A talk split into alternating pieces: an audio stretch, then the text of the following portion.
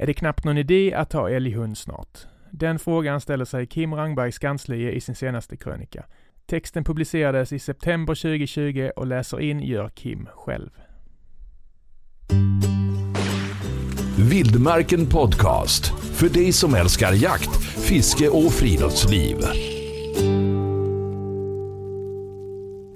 Jag har jagat med älghund i snart 20 år och i och med att jag jagar i varglänet Värmland så har tilldelningen blivit mindre.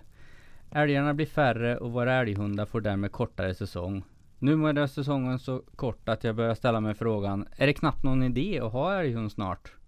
Förr kunde man till exempel börja jaga med dem i september. Man jagade en vecka i september och sen var det bara att åka hem och vila lite och så vänta en vecka till i oktober när alla älgjägare var ute i skogen.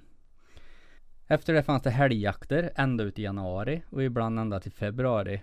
Beroende på snömängd. Men med det upplägget verkar inte finnas på så många ställen längre. Numera hoppar man på många ställen över septemberjakten på grund av tilldelningen och jagar endast i oktober.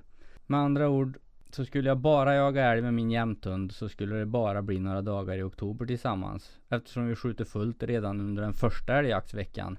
Lite krasst kan man alltså säga att jag därefter inte har någon mer älgjakt. Men trots min något negativa ton här ovan så finns det alternativ och ljuspunkter på jakthimlen. Jag och många andra i södra och mellersta Sverige har nämligen en jaktbar stam av vildsvin. Till och med en stam som vi måste kontrollera. Och våra älghundar funkar bra på gris. Jag vågar påstå ifall du har en riktigt bra älghund så är den även en riktigt bra vildsvinshund.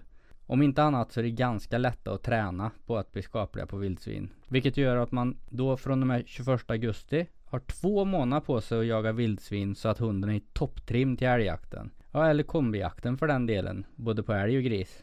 Därefter har man i princip hela jaktsäsongen på sig att jaga vildsvin. Förra säsongen sköts ju för första gången fler grisar än älgar för min hund. Tidigare har det varit 50-50.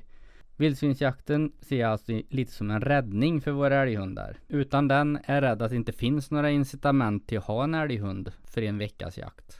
Vildsvinsjakten med ställande hund tycker jag dessutom är fantastiskt rolig. Den är tämligen okomplicerad. Det finns ofta mycket vildsvin på de ställen där det finns jaktbar stam. Och det är inte jättesvårt att hitta dem. Och det blir oftast kul jakter, både för hundförare och passkyttar. Det är långt ifrån alltid det står still och man bara kan smyga på ståndskall. Utan oftast går det loss och ut på passkyttarna. På många jakter med ställande hund på vildsvin får alltså både hundförare och passkyttar skjuta. Sammanfattningsvis så är detta något som jag tror kan bli räddningen för våra spetsraser. Det är många som vill ha en älghund, men ska man verkligen ha en jakthund för en veckas jakt? Det kan man fråga sig. Med vildsvinens intåg, ja då har man jakt från augusti till februari. Skitjakt på er! Vildmarken Podcast. Hitta fler avsnitt och ta del av vårt digitala magasin på vildmarken.se.